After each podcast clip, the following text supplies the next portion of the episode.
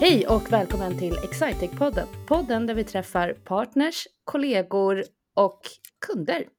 Med mig så har jag idag två fantastiska män som vi har träffat tidigare men är så välkomna tillbaka såklart. Mats Stegeman. Hejsan! Min kära parhäst, hej! Vem, vem har vi på besök idag? Idag har vi ingen mindre än Excitex VD Johan Kallblad tillbaka i podden. Varmt välkommen tillbaka Till, Johan. Tillbaka i podden. Det, Ja. det är synd. Det här med att bli introducerad som två fantastiska män på en, eh, på en podd från ett IT-företag, det kändes ju lite delt. Men eh, det, man får ju acceptera. Det är en sak som är svår, det här med feedback och förändringsbart beteende. Liksom. Det är jättesvårt. Att, eh, man, om, man, om man är man och är, liksom, känner att man är man så är det ju, då får man ju acceptera det och vara det. Ja, det, är, det är svårt att göra någonting åt. Ja, Eh, Ja. Just det faktumet. Eh, Men vi kan ju dock ta ansvar för hur vi är som män. Ändå. Absolut, det är faktiskt ett minimikrav tycker jag. Så är det. Men att det var ändå det, jag tyckte så att det attributet som Sanna tyckte var mest lämpligt för att beskriva oss som sammanhållande, det var ändå män. Ja. Det, Vilket ord hade du valt Johan? ehm, idésprutor hade varit trevligt. Eller, Ja. eh, eller eh, ehm, ja, jag, jag vet Kolle- inte. kollegor, kollegor. kan vi ha sagt. Ja, Ehm, Ja. absolut. men det, det är okej. Ja. Ja, men jag får gå tillbaka till mig själv lite också och, och fundera på varför jag valde att könsdefiniera er det första jag gjorde. Ja. Ja. Men, men det var okej, tycker jag. Det, det, ibland, man kan inte döma sig själv för mycket eller tolka in för mycket i allt som man, eh, som man råkar säga. Jag tycker det var helt okej. Men vi fick ju faktiskt i år, ett, eh, eller 2022 var det första året som vi fick en liten plakett för att vi är ett av eh, eh, Sveriges mest jämställda IT-bolag. Det. Eh, men det kommer inte ihåg vad det var, runt 40 procent, 40-60, vi var inom det spannet, 40-60, då, Mm. det är väl då man är som mest jämställd. Om man, om man har inget kön är mer än, mer än 60 procent. Precis, jag tror att de hade en sån. Äh, men, eh, man är aktuell för listan tidigare, men eh, vår, eh, vår procent som jag tror vid det tillfället låg på 41 eh, räckte till en nionde plats Ja. på Synods lista över Sveriges mest jämställda konsultbolag. Det var en kul grej Verkligen. som hände 2022. Verkligen kul. Eh, och det är ju det är en siffra som vi, eh, som vi är stolta över och som vi, eh, men, men som vi inte, vi, vi har ju liksom en, den, den långsiktiga visionen är att, eh, att, att jobba med ett 50-50 perspektiv. Eh, men vi är en bit på väg och vi är definitivt en av de bästa i klassen, vilket vi är stolta över. Ja. Ehm, Definitivt. men du Johan, vi har ju tagit över podden nu. Ehm, och eh, ett, vi har ju ett succékoncept som vi har kört sedan eh, relativt tidigt. Eh, och det är att vi har Sannas fem snabba frågor som vi brukar köra med alla våra gäster. Och, Vet du hur det där känns då? Det känns ju som att det här är min gamla... Jag brukade för, för lyssnare som är, är nyare så var det ju de första sådär 150 avsnitten. ja, Då var ju jag med och drog ganska mycket och var moderator och sådär. så. Så det här är lite grann som att ha ett gammalt sommarhus liksom, som ens föräldrar hade. Eller som sen säljs och så kommer man dit och, så, och så, så får man lite sentimentalt så ser man sommarhuset och så ser man att de har byggt om och byggt ut och byggt den där Ja. verandan som man aldrig fick till själv. Så det är liksom med blandade känslor. Jag ser Ja. förändringen. Det är bara, men kör! Jag förstår. Det är, du kan se att det är bättre, men, eh, men det är fel. ja, det, är, det är inte som vi Ska jag brukade. göra? Nej, men det är bättre. Man kanske önskar, tänk om jag hade inbyggt den här verandan på Ja. min tid. Ja. Men eh, Vi kör. Fem snabba, vi kör. Mm. och sen- Johan, Ja. vem ringde du senast och vad sa du? Jag ringde, jag eh, pratade med Marcus Holm på Visma och eh, vi försökte prata om ifall det fanns något sätt för mig att kunna vara med på Vismas partnerkonferens eh, som är imorgon. Just det. Eh, eh, I Finland också, eller hur? nej, i Nej. Finland har jag idag. Eh, Du är i det Finland. kommer att köra digitalt. Eh, Men imorgon är det i Stockholm. Jag förstår. Eh, så, men problemet är att jag är, i, jag är eh, ensam med min... Eller planen var att jag skulle vara ensam med min yngsta son imorgon kväll. Och det, pass, det lämpar sig dåligt med att vara på partnerkonferens. Men jag har en idé till en lösning som inblandar min äldsta son. Mm. Eh, som bor i Stockholm. Så vi får se. Eh, det var det senaste. Ja. Mm. Hur många kuddar har du i sängen? Eh, Fyra. Och hur Snart disponerar du de kuddarna? Jag lägger dem två och två. Två på Ja. ena sidan, två på andra sidan och sen när jag vaknar på morgonen så ligger de lite huller om buller. Men eh, så ser det ut. Inga prydnadskuddar ovanpå. Nej, Nej. okej. Men ändå. Fyra stycken helt vanliga sådana här mjuka polsterkuddar. Intressant. Unikt också för den sakens skull. Det har vi inte hört tidigare. Alltså, eh, det känns inte så unikt. Men... nej. Men du skulle bli förvånad. Vad dricker du helst? Vatten. Varför? Eh, För jag tycker det är så väldigt, väldigt gott med eh, gott vatten. Och när kallt, kallt gott vatten är det jag helst dricker. Och vad tränar du helst? Eh, Jag spelar helst badminton. Mhm. Okej. Eh, bästa avslappning? Ehm,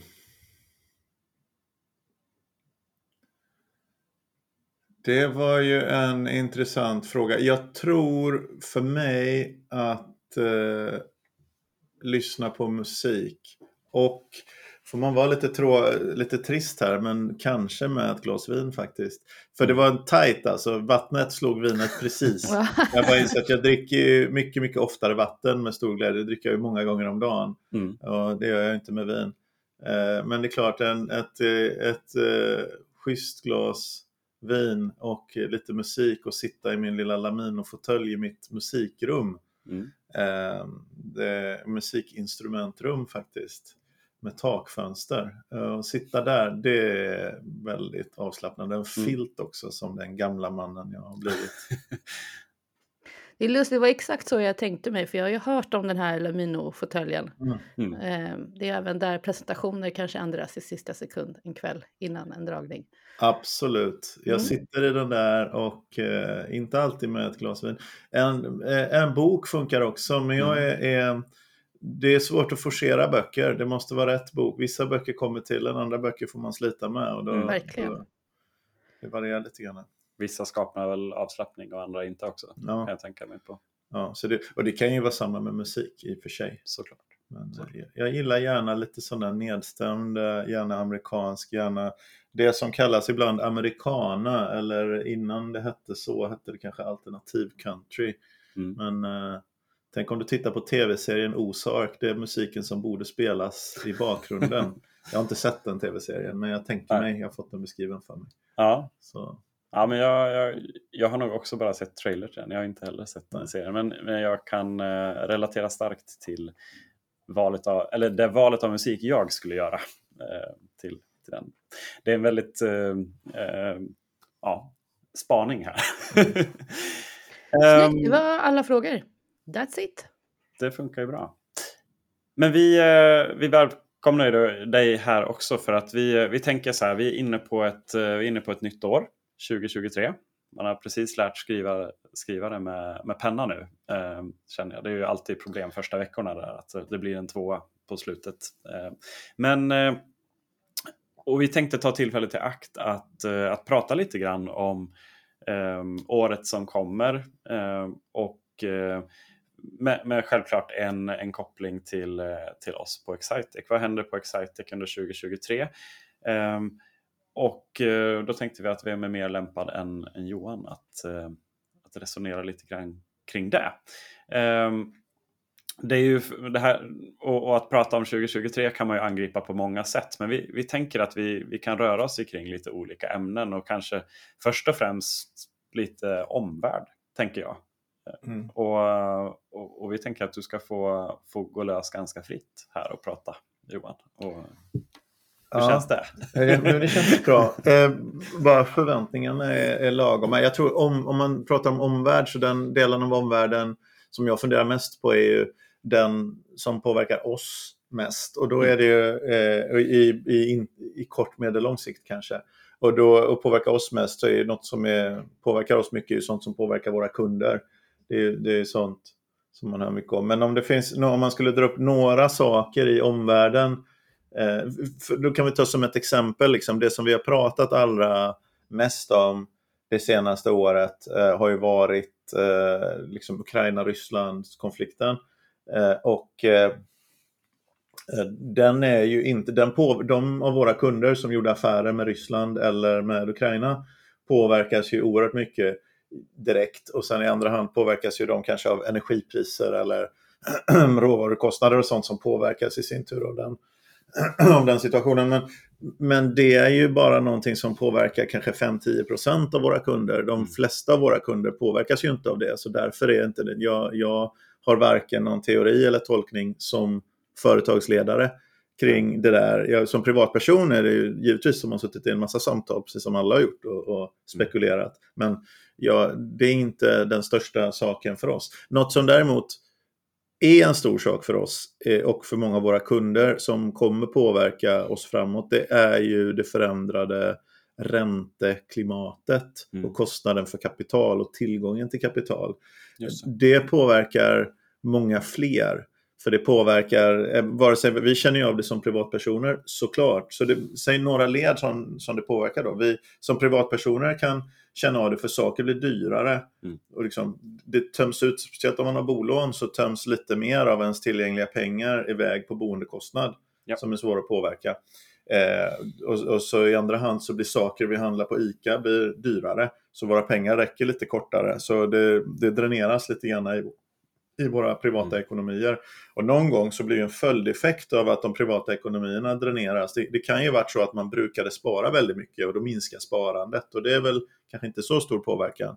Men om vi antog att man inte sparade så mycket så blir ju det, tar ju pengarna slut, då får man ju ägna sig åt mindre konsumtion. Och mindre konsumtion, då blir ju mindre fart i, i, ehm, i samhället liksom generellt. Då blir, sen blir det våra kunder liksom i första hand de som sysslar direkt med retail eller, eh, eller e-handel eller så vidare, liksom de som säljer till konsument, de påverkas ju först. Yes. Men sedan ska ju de, köpa, de grejerna som de säljer till konsument har de ju köpt in någonstans ifrån och så, och så vidare. Liksom, så det, det, slår, det blir en trickle down effekt ifrån, ifrån konsumentled mm. eh, tillbaka. Så det kommer ju påverka många och det kan jag säga, den som säger att hen vet hur det där kommer slå igenom, eh, den, eh, den har nog eh, en ganska stor övertro till sin egen förmåga att veta saker. Det betyder ju inte att inte någon av förstå sig på kommer ju ha rätt. Eh, ja. men, men vi vet inte, det, det går inte att veta. Eh, för vi har aldrig haft exakt den här globaliserade ekonomin. Man tänker sig någonstans information, globalisering, så här, det går snabbt, man har koll på sitt bankkonto, det, vi ändrar oss direkt. Men jag tror inte det, för mycket av konsumtionsbeteenden är liksom ett beteendemönster och en vana. Mm. Så jag är inte säker på att pengar, det är när kreditkortet slutar, det är inte när kassaflödet går under noll som vi slutar konsumera kanske, utan det är när mm. kassaflödet går under noll, när sparkontot är slut och när kreditkortet inte längre funkar. Då kanske mm. vi slutar. Mm. Så det där är en, det är en lurighet i det där. Liksom. Ja. Jag, jag misstänker då att eh, vi är i början snarare än i slutet av en minskad konsumtion. Så det, det, är en sak. Det andra som det påverkar är ju sådana som ska göra investeringar eh, för som ska ge pengar tillbaks sen. Eh, och då tänker man kanske på startups och, riska, och, och, och riskaptit och sånt och det är en del av det hela. Men, men vi kan börja med liksom tänka oss ett byggprojekt. Mm. Om du ska bygga ett lägenhetshus och eh, hyra ut det sen. Mm. Och du hade tänkt att finansiera det till 70% med ett lån som kostar 1 i ränta. Och nu, ska du, nu är banken lite mindre riskvillig så då kanske de inte vill finansiera till 70% utan bara till 60% och sen så kanske det inte är 1 ränta utan 5% ränta. Det ändrar kalkylen helt på när ja. det blir lönsamt att bygga och, och och, och, du kanske inte kan höja hyrorna heller, eller får man inte kanske höja, höja hyrorna. Så det är väl sannolikt, det finns ju skäl att tro, mm. att det kommer vara mycket få nya byggstarter. Och det är samtidigt som faktiskt byggmaterial är dyrare än på länge på grund av inflation. Så det är flera motverkande. Så mm. väsentligen kan man nog gissa att den typen av byggprojekt som är som är specifikt kanske bostadsproduktion mm. minskar nog oerhört kraftigt. Och då är det samma sak där. Och då blir det mindre efterfrågan på byggmaterial. Det går åt färre fönster, färre kyl och frysar, färre diskbänkar, färre byggnadsarbetare, färre och så vidare. Sen kan ju, där kan ju staten göra någonting för man kan säga okej, okay, då bygger vi broar istället eller då bygger vi infrastruktur eller Ostlänken ja. eller någonting. Så det ja. går ju för någon som är långsiktig. Men, men det, man kan tycka så här, företagare ska vara långsiktiga. Ja, nej, men inte om man inte har. Långsiktigt är inte att göra av med pengar som man inte har och tro nej. att det löser sig. Staten kan ju åtminstone så här, vi kan ju vrida på skattetratten lite. Om, om man vill, men det kan ju inte ett företag som bygger privatbostäder har ju inte någon, kan ju inte vrida på skattetratten om de inte får ihop sin, sin Nej, business. och, och, det är inte varje... eh, De bolagen kanske inte heller kan ta sig an och bygga bron. Liksom, ifall Nej, man är väldigt nej. specifik. Men, men människorna kanske kan Ja, det det ibland. kanske de kan. Ja. Ja. Men sen det tredje kopplat till, till det där på, sam, på samma sätt egentligen, då är ju det det här med riskaptit och sånt. Och det, den, är, den är nog den allra värsta. Eh, Och jag känner inte riktigt att den har slagit igenom än, men du tänker, tänker dig att ett företag som har en affärsmodell som är sådan att den binder och kostar pengar nu eh, och kanske ger pengar tillbaks i framtiden. Mm. Klarna skulle ju kunna vara ett exempel. De, de, de har ju inte tjänat pengar på ganska många år.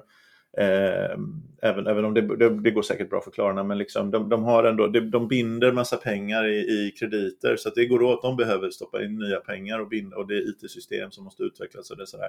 Så de måste stoppa in pengar i den affären. Vi vet ju inte än om den typen av bolag eh, kommer vara lönsamma, för det är ju en, det är en idé om att det borde bli bra i framtiden. Mm. Nu tror jag i och för sig det är konsumentkredit, det, har vi, det kan man ju räkna på. Men det finns andra, andra saker som är lika Definitivt. osäkra som kanske vi öser in pengar här eh, därför att det borde kunna bli bra i framtiden men vi vet inte. Men när det alternativet ska ställas mot, och det kanske man tyckte för några år sedan, så var det vettigt för alternativavkastningen var noll. Liksom. Ja. Du kunde inte få någon avkastning så då kan du väl ta lite risk för det här kan bli något. Stoppar Mm. pengarna här då vet jag att det inte blir något. Men att jag får tillbaka dem. Och stoppar pengarna på det andra då kan det bli något. Så det, det kan ju vara en klok även om den kommer Ja. med risk. Ja. Men, men eh, nu när man har, ska stoppa in i liksom kassaflödeskäkande saker med oklar eh, resultateffekt på lång sikt. Det är, och när det ställs mot alternativet att köpa korta företagsobligationer och få 5-6 procent Mm. liksom, eller något sånt. Eller längre företagsobligationer kan få 10 procent på halv, halvdana bolag, men bolag som är mycket mer bevisade än den där idén som kanske kan bli något. Så det, det, är liksom, då blir liksom risker, det blir svårare att övertyga. Sen, sen har inte det slagit igenom heller. Det är inte så att alla startups har gett upp. För att en del av dem tog ju in pengar innan och en del av dem är så förstås säger de här pengarna vi tog in, de kommer räcka tills dess att vi tjänar pengar och då jäklar ska ni se. Mm. Och det, det, det är därför som man liksom säger sådär att for, fortunes are, are built in a down market and collected in an up market. Liksom. Så det kanske är, det finns ju några av de sakerna som ser dassiga och svåra ut nu kommer ju vara de allra bästa Ja. om fem år eller om tio år. Säkert. Mm. Så, men, det där är, men, men så den är läskig. Så vi har startups som låt oss tänka oss att tillgång till kapital inte riktigt finns. Så har du runway, har du pengarna i din kassa som gör att du kan leva tills dess att det vänder och blir positivt. Mm. De som inte har det får nog finna sig i att det inte kommer finnas pengar och de kommer nog bränna ut. Eller så blir det inte alls så. Men det, det skulle nog vara min, min eh, Det är en spaning i alla fall. det är en spaning. Så att det, hur påverkar det oss då? Ja, Mm. inte så mycket, men de, det är några procent av våra företag som är av den jag ska väl inte namnge någon här, men det, vi har ett gäng av våra kunder som är företag som, som Ja. försöker implementera en, en idé som ännu inte är bevisad och som vi vet att det kommer att binda mycket kapital innan dess att den börjar ge tillbaka kapital. Just det. Och, de ska nog bete sig försiktigt tror jag. Mm. Eh, Så, så jag, det gör att som summan av de tre sakerna då, eh, eller multiplikatoreffekten, eh, det gör att jag, jag tror att det finns anledning att, att ha och se ganska mm, dämpat på den kommande tiden innan det där, innan det där vänder igenom. Alltså man ska nog Mm. tro att efterfråge, efterfrågan kommer nog inte vara så himla bra. Ja. Så, så, så vad gör man då? Jag tycker på något sätt, om man får ta en, jag gillar idrottsanalogier, man ska se det lite grann som att jag är, man är en idrottsperson som har liksom eh, dragit korsbandet. Vad gör man då? Då ska man sitta och tjura över alla tävlingarna man inte får vara med och vinna. Eller ska man bygga upp sin kropp starkare så att man när korsbandet har läkt, för det tar 10 månader, 12 månader att komma tillbaka efter en korsbandsskada liksom. Mm. Eller något sånt. Va? Ska man, då, ska man ägna, då ska man ägna den tiden när man rehabbar efter korsbandsskadan till att eh, skapa mer av det som man tror på är bra framåt. Det är det, är det mindsetet som man kan ha och det är inte ett så dumt. Och det är även ett mind, för det, det som vi vet är, efter, vi blir ofta uppslukade i stunden, Mm. men efter efter ljus, ljusa tider dessvärre kommer sämre tider, men efter sämre tider så kommer bättre tider och det tycker jag man kan känna viss tillförsikt i, Mm. i, i, i min ålder i alla fall. Jag har Ja. varit med om det förut. Just det. Så. Ja, men det är lite spännande och jag, jag tänker mig, vi pratade lite innan vi slog på mickarna här också om Ehm, alltså generellt eh, hållbarhet. Och, och eh, det är ju ett, ett, eh, ett ämne som, eh, som är kanske mer aktuellt än någonsin. Och eh, det finns ju olika sätt att, eh, att liksom så här strukturera ett hållbarhetsarbete. Vi, eh, vi på Excitec har ju anammat eh, ESG-modellen. Eh, och eh, där tycker jag, så här, inom den modellen så pratar man om social hållbarhet, man har, pratar om klimatmässig och sen så finns det den här G och governance-delen som hittills har varit, tror jag, liksom, vi är nog inte ensamma med att eh, ha pratat kanske minst om den delen. Eh, mycket beroende på att vi har levt eh, under väldigt många år i en, eh, i en accelererande eh, omvärld. Alltså, så- många siffror har pekat, pekat uppåt och den delen handlar ju väldigt mycket om att, att driva eh, företag på ett eh, ansvarsfullt sätt och, och eh, att man ska liksom de beslut och de eh, eh, sakerna som man gör, att de ska tåla en, en yttre granskning brukar vi ofta Mm. själva ha som en, som en tolkning av det. Jag tror ju att det här är ett område som verkligen kommer att liksom ehm, lyfta, lyfta under eh, om, om det nu blir lite mer dämpat, liksom, att man börjar prata mer om så här, ja, men hu- hur, hur, liksom, vi behöver måla upp scenarier som inte alltid bara betyder att det blir bra eller, eller bäst. Liksom. Men ehm, det är ett väldigt intressant... ehm, Ja, eh, o- det, det är väldigt många som är ovana. Det är sjukt många som, eh, om man eh, hamnar lite grann så bara på IT-branschen så jag tänker mig att så här, den större delen av de som arbetar i IT-branschen idag har ju aldrig varit med om en nedgång. Liksom. Och det är en ganska intressant... Ord, ordet hållbar brukade ju betyda robust. Om man köpte en Ja. grej som man sa, den här är hållbar, så Ja. menade man ju att den var robust och kunde stå emot. Och det, det syftar vi på även i en övre grej för, liksom, för, för jorden. Men, men det har blivit nästan så här, hållbarhet har be, betydit klimat, har betydit CO2-kompensation. Liksom, Ja, nästan. I, i, förstås väldigt olika beroende på vilken bransch. Ja, och det, man är ibland är ju det säga, men- superrelevant tvivelsutan. Jag tycker det där är liksom ett slags raster som man har med sig eller liksom ett filter eller raster med vilket man, man tittar på världen så, här, så ställer man sig en extra fråga. Är det här robust också? Mm. Eller liksom, är det här... I, det är den, liksom, den extra frågan som man speglar Mm. Saker och ting i. Och, men om man har kommit så långt att alla varje gång när man gör någonting, jag ska ta ett strategiskt beslut, ett investeringsbeslut, så säger man då, då, då tittar jag på det här också. Ja. Om man fått in den, det filtret i beslutsfattandet, då kommer vi nog komma ganska långt. Tror jag. Ja. Ja men, eh, ja men verkligen. Och eh, som sagt, det här är ett ämne i sig som man kan prata jättemycket om. Det kanske vi rent utav skulle göra ett specialavsnitt av framåt. Jag, jag tycker det, det är så här, Mats är lite taggad här Sanna, för att jag har Mm. utsett honom till eh, hållbarhetschef på Excitec då, Mm. så han, han tycker att alla samtal ska ledas in där. Och det ligger ju säkert någonting i det, det, det, det ska det nog. Men Jag, ska vi jag, vill få, jag, jag vill få allt att, eh, att vara hållbarhet Ja. också. Och på ett sätt kan man ju säga att allt är det.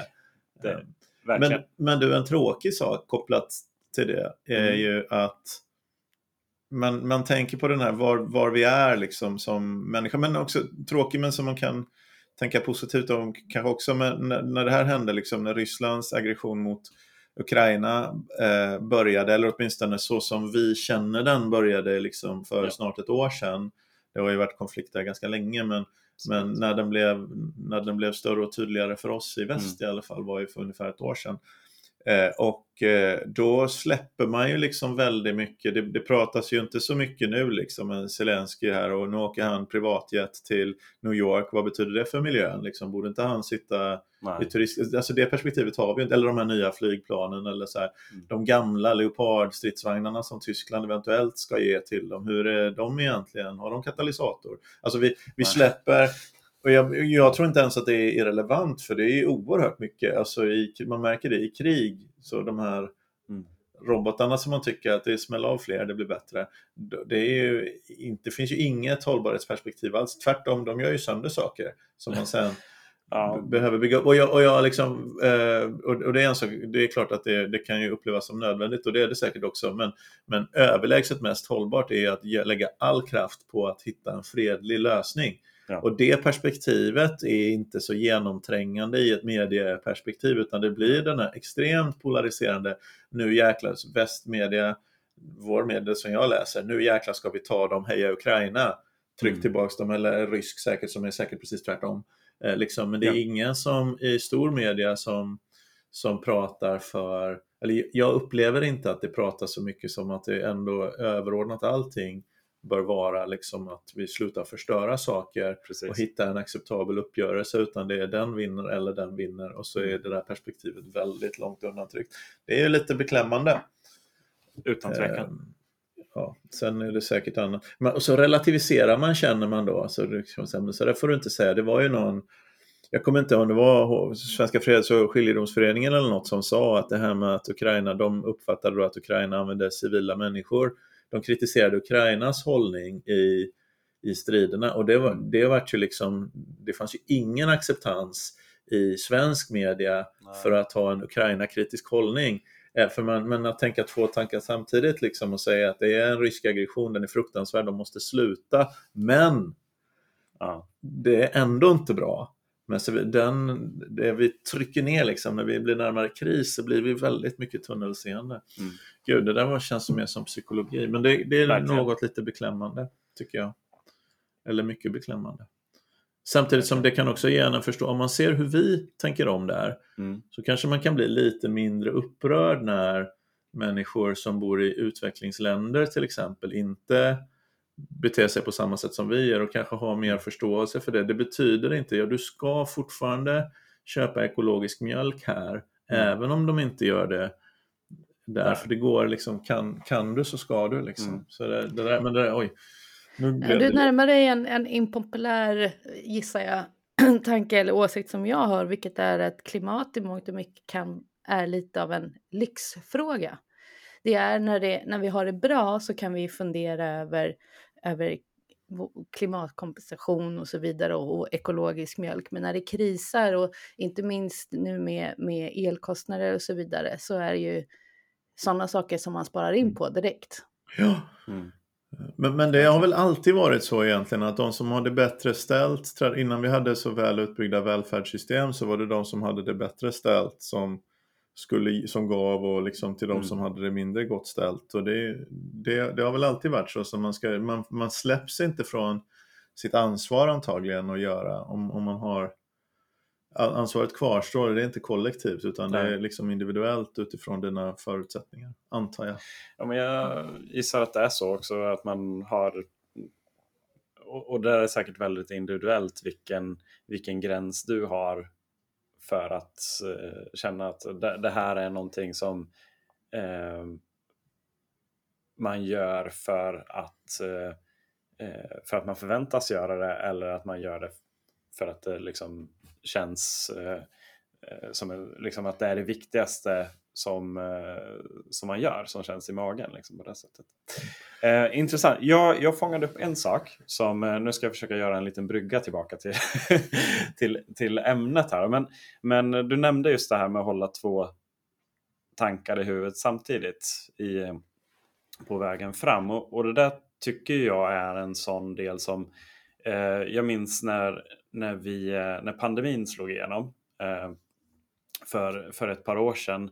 Ehm, där jag själv tycker att jag är en ganska så flexibel person. Jag, jag, liksom, jag kan hantera eh, snabba förändringar och, och, och sådär. Men, men där liksom eh, pandemin blev ändå utmanande för att när man, så här, på det sättet jag har sett mig som en flexibel person är jag ju ofta så här att okej, okay, det blev inte som vi sa, men då gör vi en ny plan.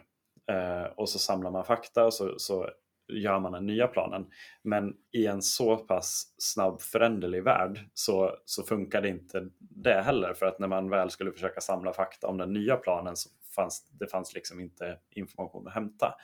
Och, och då gjorde vi en, alltså på, på Excitex så gjorde vi liksom flera olika scenarioplaneringar om, eh, om hur det skulle kunna, liksom, vad, vad händer ifall eh, allting blir så dåligt som det kan bli? Vad händer ifall det blir ungefär som, alltså enligt vår bästa gissning och, och, och, hur blir det ifall det råkar bli lite bättre än vår bästa gissning?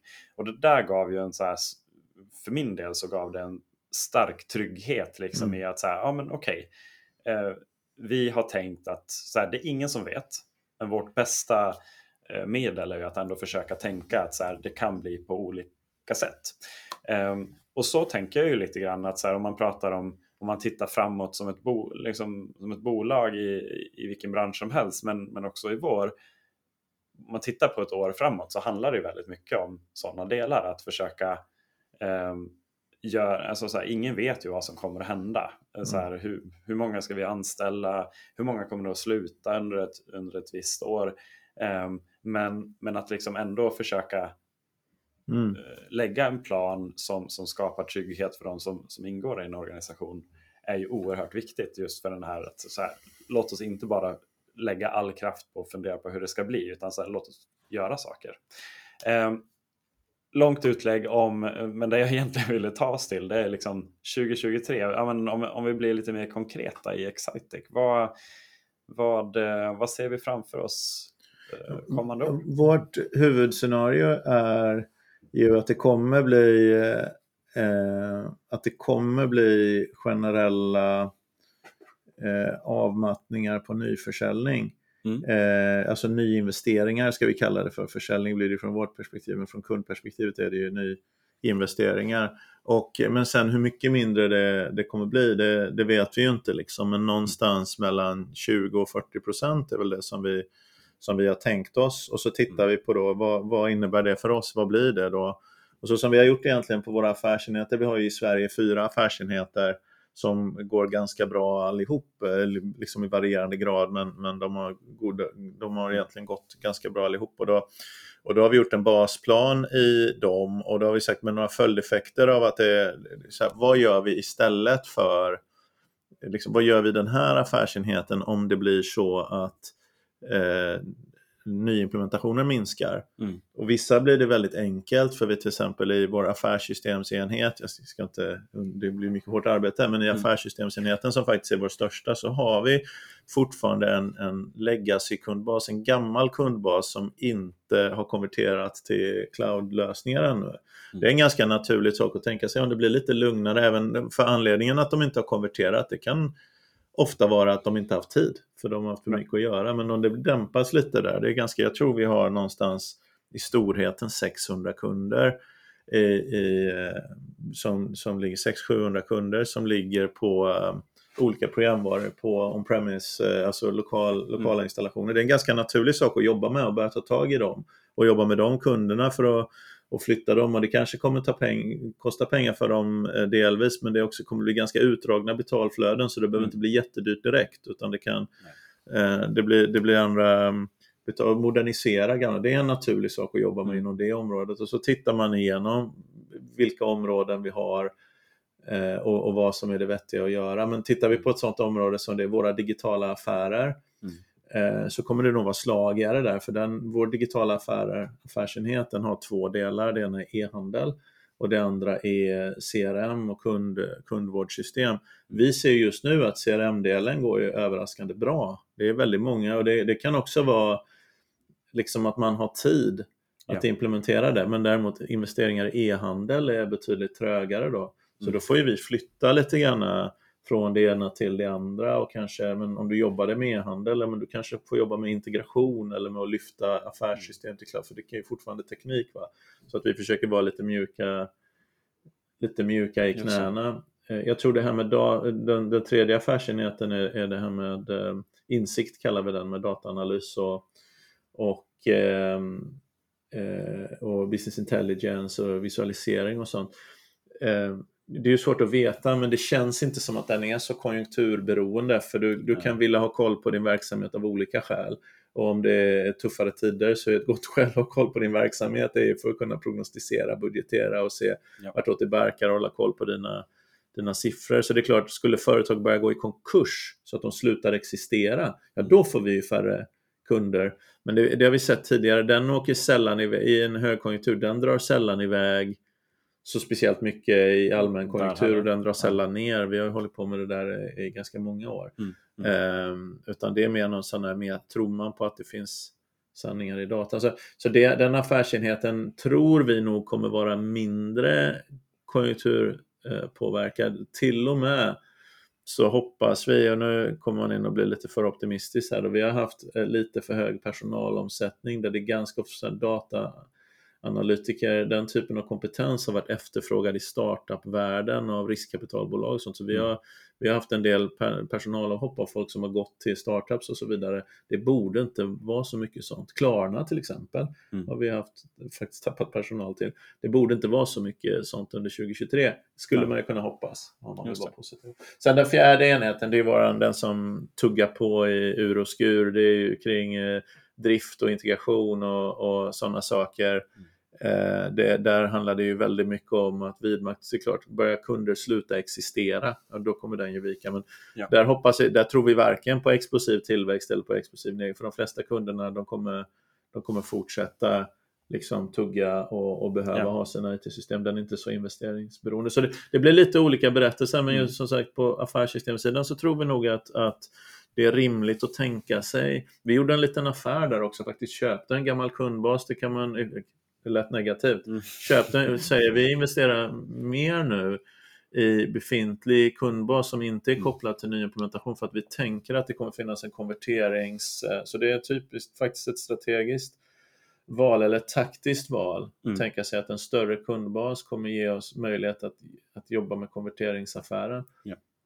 Och det är väl alltid så också om man ser tillbaka på vårt sätt att göra affärer så har ju den också byggt väldigt mycket på långa relationer. Mm.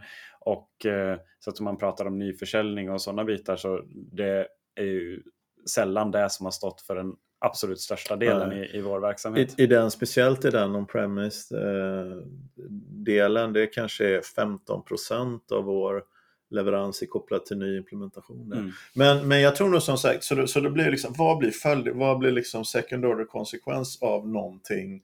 Liksom, blir, det, blir det lugnare på arbetsmarknaden? Ja, men då kan jag ju klara mig med ett lite mindre traineeprogram kanske, lägga lite mindre kost. Så det, när vi prognostiserar ut det där, så vi lämnar inga prognoser eh, och sådär, men jag kan säga Nej. i första iterationen så såg det alldeles för bra ut liksom, i våra förväntningar. Man får, ja, men lite, dra ner lite här, det här är stabilt där, det mm. här är... Det blir så här, ah, det här är nog inte realistiskt. Så vi har lagt lite mer kuddar faktiskt i våra egna, eh, egna planer för att kunna, för någon smäll kommer ju någonstans och då tänker vi, mm. då får vi hantera den. Vad är priset för en kudde? Eh, skulle man säga, för då, då, så här, det vill man ju alltid ha då. Mm. Eh, liksom ha den man, ah, men det är inte riktigt så för att i en tillväxt ekonomi, så om du bygger för mycket kuddar, då tar du inte vara på tillväxtmöjligheterna. Nej. Så det är priset. Priset för kudden, liksom, värdet Exakt. av kudden är mindre, mindre risk. Du, mm. du landar mjukare. Priset för kudden är att du inte tar vara på, på tillväxtmöjligheten. Så det, är inte, det kommer inte utan ett pris. Det är någon form av trade-off mellan max mellan eh, risk och tillväxt faktiskt. Så. Ja men såklart. Det, det, det får man ju vara beredd på i det här läget. Att, mm. uh, att man kommer inte fullfölja alla galna idéer uh, och, och, vissa av dem blir ju fantastiskt bra. Liksom. Men jag ser egentligen mycket mer, jag klart jag är, är mitt ansvar är att driva det här bolaget och så. Jag, jag, ser ju egentligen ganska mycket mer positivt på vår lokala förutsättning och ekonomi än vad jag ser på, på samhället totalt. Eh, mm. Men det kanske är för att vi har gått in i en affärsplanering med en återhållen grundsyn. Mm. Liksom, och sagt vad är det som, det är så typ exempel, okej okay, vi har den här, de här 600 kunderna som inte har lyft sen. Det är ju jätteskälig sak att göra. De, de vill säkert på någon tidsperspektiv upp i en, mm. en modernare cloudmiljö och nu är väl en bra tid att göra det. Mm. Um, antagligen i, i några år. Så kan man, det kommer ta flera år att göra det där. Sen måste man göra det, men det är klart, de företagen som ska sluta existera, de behöver inte konvertera till en cloudmiljö.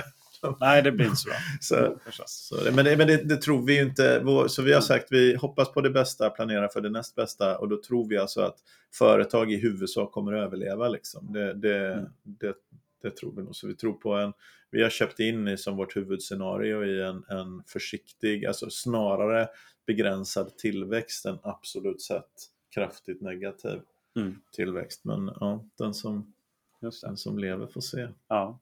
Men, i, men i största allmänhet så ser vi fram emot ett, ett år i, i, eh, med, eh, med fortsatt eh, eh, hårt jobb förstås. Och, och det mesta kommer nog ändå se ut... Jag, tänker mig ett vanligt år i vår bransch. Det blir en, en vår med ganska mycket...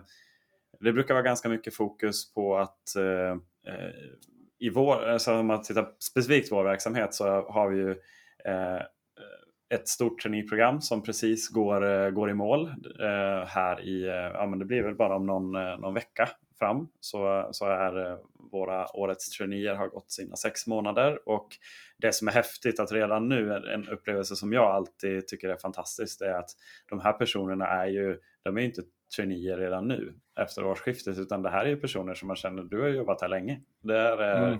eh, fantastiskt att se den, den utvecklingen, hur de bara eh, blir självklara i, i, eh, i vår verksamhet.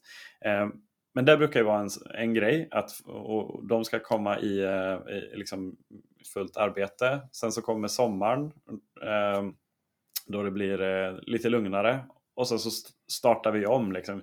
I min värld som, som har varit här ganska länge så är ju hösten är ju alltid ny. Det är, ny, det är nytt år. Mm. Ehm, eller, och lite likt terminer liksom, som man har i skolan. Att Förut, finns förut hade vi ju ett brutet räkenskapsår så att vi räknade klart pengarna in Ja. till sommaren och så började man om igen på hösten. Och det var ju egentligen mer naturligt i vår affärscykel Ja, faktiskt. Absolut, det är mycket rimligare. Ja, men sen är det ju så för år, för många andra så ser man år som det där kalenderår. Ja. Eh, Men för vår verksamhet så är egentligen kalenderår inte speciellt viktigt. Nej, Eh, mer än när man räknar pengar. så är det. Ehm, Vet du vad, jag har en, en, en tanke på det när man ska gissa om framtiden. Jag märkte en sak, för jag var, vi hade avslutning i vårt interna ledarskapsprogram, eh, en, en, den covid-förlängda säsongen. Det var ett ledarskapsprogram som började för tre år sedan. Så normalt sett är det ett tvåårigt ledarskapsprogram, men de, de, det blev förlängt ett extra år för vi fick ställa in några, några sittningar. Men vi hade avslutning i alla fall i förra för, i förrgår bara tror jag. Mm. Eh, och så satt jag och tittade på affärer så skulle vi prata lite strategi och sånt. Och en bra strategi måste bygga, man måste börja en strategi med analys. Jag, tän- jag tänker på strategi i tre delar. Man har analys, sen sätter man någon riktning och sen sätter man liksom handlingsplan. Mm. Vad, vad ska vi göra då? Som, och det måste bygga på de, på de sakerna, men det måste börja med en analys. Så, då tittade jag på vår analys som vi gick in i affärsplaneringsarbetet med ett år, ett år tidigare, bara för vi tänkte att vi skulle utvärdera Excitex strategiarbete, så Mm, var vår mm, analys mm. bra. Eh, och då så tittade jag på dem. Analysen var sammanfattad som ungefär sådär tio antaganden som skulle kunna sägas vara av intern karaktär och fem antaganden som kunde sägas vara av extern karaktär. Mm. Och jag noterade att jag tror att vi på de interna antagandena så hade vi haft rätt i nio fall av tio. Och på de externa antagandena så hade vi fel i tre fall av fem. Mm. Eh, och det är ändå lustigt. Eh, Och inte lustigt, för man känner sig oftast mer trygg i det externa. Och säger, Det här vet vi, för det har sett alla experter, alla har sagt det. Mm. Vi skulle ju få, efter covid, kommer du ihåg, så skulle vi få det glada 20-talet. Det skulle ju vara som aldrig förr, det skulle ju vara fantastiskt. Och nu med ett och ett halvt års distans till det, så säger jag nej, det var covid som var det glada 20-talet. Ju. Ja. Det var då, vi tryckte oändligt med pengar, vi konsumerade som fasen. Vi var inte ute och dansade liksom Charleston på, Nej. på nattklubbar, det var vi inte. Men det var ju det glada 20-talet i vår. Vi köpte Konsumtion. sommarhus och vi konsumerade sportbilar och båtar och hade gratis pengar och allt. Det var ju det som var det glada 20-talet som man blev så lurad där. Alla sa att nu har det varit jobbigt i covid. Ja. Tänk så bra det kommer bli. Men det var ju inte så. Det Nej. var ju det som var. Och så bli, så vi, vi hade tre av fem, så man, man får den någon sån extern bild. Så Mm. det, med det så går jag in i något sånt här år och säger den där experten, mjuklandning, mjuk, mjuk sådär, lite dämpning, lite sånt och sånt. Antagligen kommer vi ha mycket mindre rätt där. Ja. Antagligen stämmer det helt att vi kommer jobba med konverteringar av on-premise kundbaser till cloud-miljöer. Det stämmer nog, för det är ett internt antagande. Ja. Antagligen så stämmer det inte. De här externa. Så det är ändå tänkvärt. Så då får man vara mjuk i knäna och det är där kuddarna kommer in igen. Ja. Ändå en fin avrundning tänker jag. Liksom att där vi började så, så, så, så landar, vi, landar vi tillbaka i att så här, det vi sa i början det är nog sannolikt inte så som det kommer bli. som, som, samman, som, sammanfattning vill vi ta tillbaka en del. men, men problemet är att vi vet inte vad.